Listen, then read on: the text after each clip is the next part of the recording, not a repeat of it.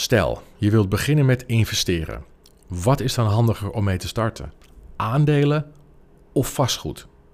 Aan de hand van een concrete business case die ik zelf heb meegemaakt, leg ik de verschillen uit. Je luistert naar de Boston Bay Money Podcast. Wil jij makkelijk en snel rijk worden? Dan is dit niks voor jou. Heb je interesse in geld laten groeien, investeren, vastgoed en sales? En besef je dat dit niet super simpel is, maar dat je er echt iets voor moet doen? Blijf dan luisteren. Iedere week deelt Johnny waardevolle info, zodat jij leert hoe je geld voor jou kunt laten werken. Ready? Let's go! Leuk dat jullie allemaal weer luisteren. Dit is weer een nieuwe aflevering van de podcast. Ik ehm, heb er uh, gisteren ook een opgenomen. En als het goed is, hebben de meeste van jullie die al geluisterd. En in die, ehm, in die podcast gaf ik aan dat ik een, uh, een uh, project had met betrekking tot vastgoed. Dat er iets speelde en dat ik dat met jullie zou, ehm, zou delen. Nou, we hebben, gisteren hebben we de, de meeting gehad. En het volgende is het geval. Ik wil het wel met jullie delen, want het is wel geestig. Het geeft jullie namelijk ook een beetje een inkijkje in uh, het verschil tussen aandelen en vastgoed. Gisteren een, uh, via Zoom een, uh, een, meeting gehad met hele leuke mensen uit onze community. En de community, dat zijn mensen die de Money Workshop hebben gevolgd en interesse hebben in investeren. De meesten hebben ook wat budget en zijn ge gewoon gemotiveerd om hun geld te laten groeien. Nou, we met een, ik had een idee in de groep gegooid van jongens, um, denk er eens over na. Hoe gaaf zou het zijn als we um, een soort investeringsronde optuigen en gewoon eens nadenken over zouden we gezamenlijk of in een soort van onderneming een budget kunnen, kunnen duwen en daar vastgoed mee kunnen kopen. Um, ik heb het totaal niet uitgewerkt, maar het is iets wat in mijn hoofd uh, speelt. Laten we daar eens over nadenken. Nou, daar werd enthousiast op gereageerd. Dus we speelden met het idee om vastgoed te kopen. En gisteren via Zoom hadden we dan onze eerste meeting om gewoon eens een beetje te brainstormen van ja, wat heb je dan nodig? Uh, nog los van het geld, maar wat heb je nodig? Hoe moet zo'n structuur eruit zien? Wat zijn de voordelen, nadelen? Nou, et cetera. Grofweg konden we op korte termijn uh, ongeveer 2 ton beschikbaar maken om te investeren. En um, het hoeft niet per se vastgoed te zijn, maar dat was het eerste onderdeel wat op de agenda stond. Het eerste idee wat we eigenlijk hadden, omdat ik dat had gedropt. Dus het was geen, uh, uh, het was geen moedje, maar we, we, willen gewoon eens kijken van hoe kunnen we meer uit ons geld halen en kunnen we onze krachten weer bundelen. Nou, lang verhaal kort, vastgoed, dikke no-go. Um, we keken naar twee constructies. En dat is een constructie waarbij we vastgoed flippen. Nou, dat was risicovol, maar doable. En voor de mensen die niet weten wat flippen is, als je gaat flippen, dan is het eigenlijk uh, relatief eenvoudig. Het is, je koopt een krotje, je verbouwt het krotje en je verkoopt het met winst. Het voordeel is dat het relatief snelle handel is. Het is in en out. Het nadeel is, en het grote nadeel is op dit moment, de markt is gewoon niet ideaal. Uh, het tweede scenario was het aankopen van panden, dus appartementen of woningen, en deze vervolgens verhuren. Nou, de conclusie was eigenlijk al vrij snel na wat globale rekensommen dat het gerommel in de marge zou worden. En uh, daarnaast waren er ook eigenlijk amper schaalvoordelen ten opzichte van vastgoed in je uppie kopen en het verhuren. De kracht, we konden niet echt een, een soort van hockeystick curve vinden waarbij het ineens heel snel zou gaan op het moment dat wij gebruik konden maken van de, de, de, wat grotere budgetten die we als groep bij elkaar kunnen brengen. En um, dat was ook wel geestig om te zien in, een, um, uh, in zo'n soort investeringsclub, zal ik het maar even noemen. Je zit er met meerdere mensen in, dus je hebt te maken met verschillende mentaliteiten, maar ook met verschillende belangen. En Mensen met kinderen die hebben vaak een hele andere scope en een andere beleggingshorizon dan bijvoorbeeld mensen zoals ik. Ik heb geen kinderen. Iemand met kinderen uh, die investeert met het idee, over het algemeen, investeert met het idee om iets op te bouwen en dat eventueel na te laten aan de kids. Dat is logisch. En daarom is vastgoed voor mensen die kinderen hebben veel interessanter dan bijvoorbeeld voor iemand zoals ik. Want Waarom zou ik in hemelsnaam als voorbeeld 50.000 euro investeren als aanbetaling voor mijn, uh, voor mijn vastgoed en dat vervolgens terugverdienen met ongeveer 600 euro per maand? Die investering in vastgoed die wordt pas leuk wanneer het pand uiteindelijk door de huurders is afbetaald. Maar ik ben dan al 75. Dan ben je ongeveer 30 jaar bezig. Ik ben dan al 75. En dan zit ik met een pand wat is afbetaald van, laten we zeggen, 400.000 euro. Maar wat moet ik daarmee op mijn 75ste? Als ik tegen mijn vrouw zeg dat ik 50k ga investeren en dat met 600 euro per maand terug ga verdienen, dan, dan, dan weet ik al precies wat de reactie is. Dan kijkt ze me zo een beetje vragend aan. Dan gaat, dan het duimpje gaat, uh, gaat de lucht in, net zoals bij Julius Caesar in het Colosseum. En dan zie ik in één keer het handje draaien en dan gaat die duim die gaat naar beneden. En als ik mazzel heb, dan, dan pakt ze daarna ook niet nog wat paracetamol voor me... met de vraag of, of ik geestelijk wel helemaal waterpas sta. En dat is logisch, want uh, wij zijn 45 en 46. Die scope van 30 jaar, uh, dat is voor, ons, is voor ons niet interessant. Wat moeten wij nou met een afbetaald pand als je 75 bent? Ik, ik hoop dat ik nog een beetje mobiel ben, maar met een beetje pech ben ik al wat gammeler. En dan verkoop ik mijn pand, heb ik 400k in mijn zak en wat moet ik ermee? Um, maar sommigen, ik kan me ook voorstellen dat sommige zullen zeggen: ja, maar Jan, als jij 600 euro per maand uh, overhoudt aan je, aan je huurinkomsten. En um, je hebt 50.000 euro geïnvesteerd. Dan heb je toch in 7 jaar tijd die investering van 50k alweer terug. En als je het zo uitrekent, dan klopt dat. En dat is wat je ook vaak ziet in vastgoedtrainingen, dat dit rekensommetje wordt gemaakt. Maar het sommetje wat ze vergeten, is dat je zo rond die periode ook als vastgoedeigenaar moet gaan investeren in een nieuwe keuken, een nieuwe badkamer, een nieuwe vloer, misschien een warmtepomp, zonnepanelen, de kozijnen moeten geverfd worden of moeten vervangen worden. Die 600 euro is peanuts. Dat is, dat is niet je verdienmodel in vastgoed. Je verdienmodel zit aan het einde, als het pand of het appartement is afgelost. Maar nogmaals, dan moet je natuurlijk wel voor jezelf bepalen of jij die, die, die runway hebt, die, die, die lengte om, om daarop te gaan zitten wachten. En als jij denkt van nou ja goed, ik ben 75 en als ik dan een, eh, een pand heb van 4 ton, wat is afbetaald, dat kan ik of aan mijn kinderen schenken, of zij kunnen daar gaan wonen, of, of zij kunnen het uh, vervolgens weer gaan verhuren om passief inkomen te, te realiseren. Ja, dan is dat natuurlijk een hartstikke goed idee.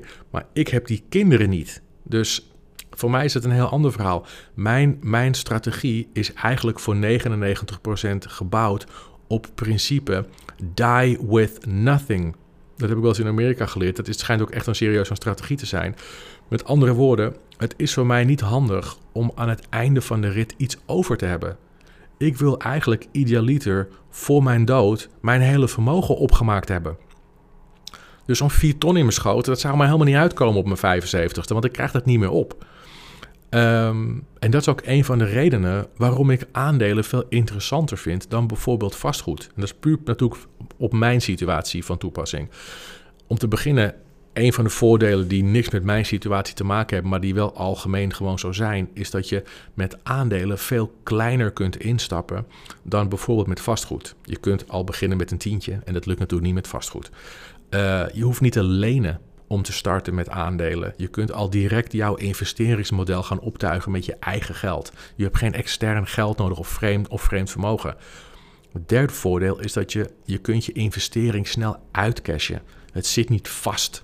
Dus op het moment dat er om wat voor reden dan ook iets gebeurt in je leven, waardoor jij zoiets hebt van fuck, ik heb dat geld nodig, het kan, er kan altijd iets gebeuren, dan heb je daar in de aandelenmarkt heel snel uh, toegang tot. Je, je hebt letterlijk in, in één minuut heb je je poen op je rekening staan. En dat is natuurlijk met vastgoed een ander verhaal. Dat zit veel, veel vaster. Daarnaast ben je ook volledig onafhankelijk met aandelen. Je hebt niet te maken met veranderende wetgeving, banken, belangen van verhuurders en noem het allemaal maar op. De politiek is eigenlijk veel meer geparkeerd um, dan bij vastgoed. De politiek heeft echt invloed op je, op je vastgoedrendement. En dat is met aandelen eigenlijk helemaal niet het geval. En daarnaast, en dat is een van de dingen die ik het meest interessant vind aan het hele investeringswiel uh, met betrekking tot aandelen, dat is hoe meer je leert, hoe beter je wordt. En hoe beter je wordt, hoe meer rendement je maakt. Dat heeft vastgoed niet. Er zit geen accelerator in. Als je veel in jezelf investeert en je zit in de aandelen, dan ga je ook, eh, met name als je in kennis investeert, dan ga je ook veel meer rendement maken vastgoed is veel um, simpeler. Je kunt natuurlijk een training volgen, je kunt je inlezen, maar op een gegeven moment, ja, houd het op. Dan, dan, er, er, zit geen accelerator in. Ehm, voor jullie beeld, ik heb vanochtend heb ik een, eh, even snel een, uh, een rekensommetje gemaakt. Omdat Mirel, mijn vrouw, die vroeg van... Jan, hoe is die meeting gegaan en gaan we investeren? Nou, dat gaan we dus niet. Althans niet op basis van wat ik, uh, wat ik gisteren met, met onze club heb besproken. Maar ik vind het wel leuk om het met jullie, met jullie te delen. Want Mirel vroeg van, ja, wat, wat, is, wat is de situatie, Jan? Kan je me even twee scenario's snel schetsen, alsjeblieft? Nou, komt ie. Pak een uh, pak of uh, als, je, als je wil schrijven, pak even een pen of een, uh, of een bloknootje of, um, en een bloknootje. En als je, typen, als je wil typen, typ even lekker rustig mee. het is wel handig om dit als een soort van business case aan te houden. De eerste business case is vastgoed. We gebruiken opnieuw die 50k die we nodig hebben als aanbetaling op het vastgoed. En vervolgens uh, gaan we die 50.000 euro die wij hebben geïnvesteerd van ons eigen geld, die gaan we met 600 euro per maand gaan wij die zeg maar weer um, uh, cashen. Die gaan we terugkrijgen. Uh, voor jullie beeld, de 600 euro is niet de, de huur die wij aan onze verhuurders rekenen. Die is natuurlijk veel hoger. Die 600 euro is wat wij eraan overhouden. Dus we hebben het bedrag wat de huurders aan ons betalen. Daar moeten we natuurlijk allemaal kosten maken, belasting noem het allemaal op. En daar houden we uiteindelijk ongeveer 600 euro huur aan over. Nou, per jaar is dat uh, 7200 euro aan huurinkomsten. Dus dat is die 12 maanden maal 600. Dan doe je 7200 euro aan huurinkomsten op die investering. Doen we dat 30 jaar lang, dan hebben we aan huurinkomsten 216.000 euro uh, ontvangen. Nou, na die 30 jaar hebben we niet alleen dat, die huurinkomsten ontvangen, maar is ons huis ook afbetaald door de verhuurders. Heel fijn. En laten we zeggen dat het huis ongeveer 400.000 euro uh, uh, waard is. We verkopen het, dan hebben we dus een totaal, een totale zeg maar bruto winst van 216.000 euro aan huurinkomsten en 400.000 euro aan de verkoop van het huis. Is bij elkaar 616.000 euro. Dus iets meer dan 6 ton.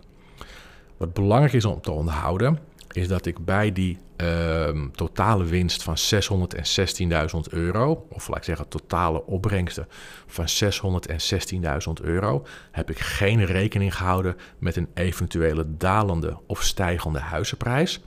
En ik heb ook geen rekening gehouden met minimaal twee keer een nieuwe badkamer. Want die, die, die, je zult dingen moeten vervangen in 30 jaar tijd. Dus ik heb gerekend, um, ik ga uit dat je in een periode van 30 jaar twee keer een nieuwe badkamer moet, uh, moet aanschaffen. Twee keer een nieuwe keuken. Drie keer nieuwe vloeren. Twee nieuwe boilers. Misschien heb je zonnepanelen nodig. Warmtepompen. Onderhoud aan kozijnen. Uh, verf. Vervanging van sanitair. En periodiek onderhoud in algemene zin. Al die kosten heb ik dus niet meegenomen in die 616.000. Die moeten daar eigenlijk nog van afgehaald worden. En ik ga ook uit van een appartement, want gaan we uit van een woonhuis, dan komen er ook nog kosten aan tuinen en daken bij. En die zouden daar eigenlijk ook nog vanaf moeten. Maar dat heb ik dus allemaal niet gedaan. We zijn echt uitgegaan van het zonnige scenario dat al deze kosten er niet zijn en dat we dus 616.000 euro overhouden. Nou, in 30 jaar tijd als we dus die kosten wel even meenemen, in 30 jaar tijd lopen die kosten makkelijk op naar ongeveer 100.000 euro. En dan gaat het om het appartement. Gaan we uit van een woonhuis, dan is dat natuurlijk meer dan 100k. Dus laten we uitgaan van opnieuw het zonnige scenario. Dan hebben we dus 616.000 euro bij elkaar gescharreld. Daar gaat een ton vanaf. En dan hou je dus uh, 516.000 euro over. Laten we hem afronden naar 500.000 euro hou je 500.000 euro. Dus op zich niet slecht, want dan heb je bottom line in 30 jaar van die 50k heb je 500k gemaakt. 500.000 euro. Dat is helemaal niet beroerd. Dus so far all good. Als je dit gaat vergelijken met aandelen, dan ziet het sommetje als volgt uit. Dan pakken we diezelfde 50.000 uh, 50 euro, die 50k, en die investeren we in groeiaandelen. Nou, laten we met een laag rendement rekenen. En dan rekenen we met 10% per jaar. Dat is voor groeiaandelen laag. Uh, maar ik vind dat we dat lage scenario moeten pakken. Nou, laten we dat hier ook 30 jaar doen. Na 30 jaar halen we het net op en hebben we een vermogen bij elkaar gescharreld van 872.000 euro. Dat is ruim, ik heb goed rekenen, dat is ruim 300.000, uh, meer dan 350.000 euro meer dan uh, in het scenario bij het vastgoed. En die 10% is laag, want in werkelijkheid groeien ze harder. Zelfs als we zouden rekenen met 8% rendement, wat echt een extreem slecht resultaat zou zijn op 30 jaar groeiaandelen, maar goed, laten we zeggen dat alles tegen zit, en we rekenen met 8% rendement, dan zou je nog iets boven die 500.000 euro uitkomen die vastgoed ons oplevert. Reken je daarentegen met 12%, dan kom je uit op 1,5 miljoen euro. Dus dan zou je van jouw 50.000 euro 1,5 miljoen hebben gemaakt in 30 jaar. En dan heb je natuurlijk altijd nog dat ik zeg van ja, oké, okay, eh, groeiaandelen, John. Wat gebeurt er als we dan in bijvoorbeeld in een dividendportefeuille steken die 8% oplevert? Hetzelfde verhaal, zit je nog steeds iets boven die 500.000 euro. Maar dat doe je allemaal in je uppie. Dus je hebt geen, in die 30 jaar heb je geen gedoe met huurders. Je hebt geen gedoe met wetgeving. Je, je hebt nooit te maken met offertes van aannemers of verbouwingen die verkeerd gaan of leningen bij banken. Noem het allemaal op. Het is helemaal jouw ding. Jij hebt de grip, je hebt de grip op. Ehm, eh, je, bent niet afhankelijk van, van, van externe partijen. En dat is ook de reden, want ik heb het zo opgezocht. En dat is dus ook de reden waarom ruim acht keer zoveel miljonairs miljonair zijn geworden dankzij aandelen in plaats van dankzij vastgoed. Er is overigens wel een voordeel dat vastgoed heeft boven aandelen. En uh, dat is als je die initiële 50k, die investering, die kun je gebruiken als onderpand om meer vastgoed aan te trekken.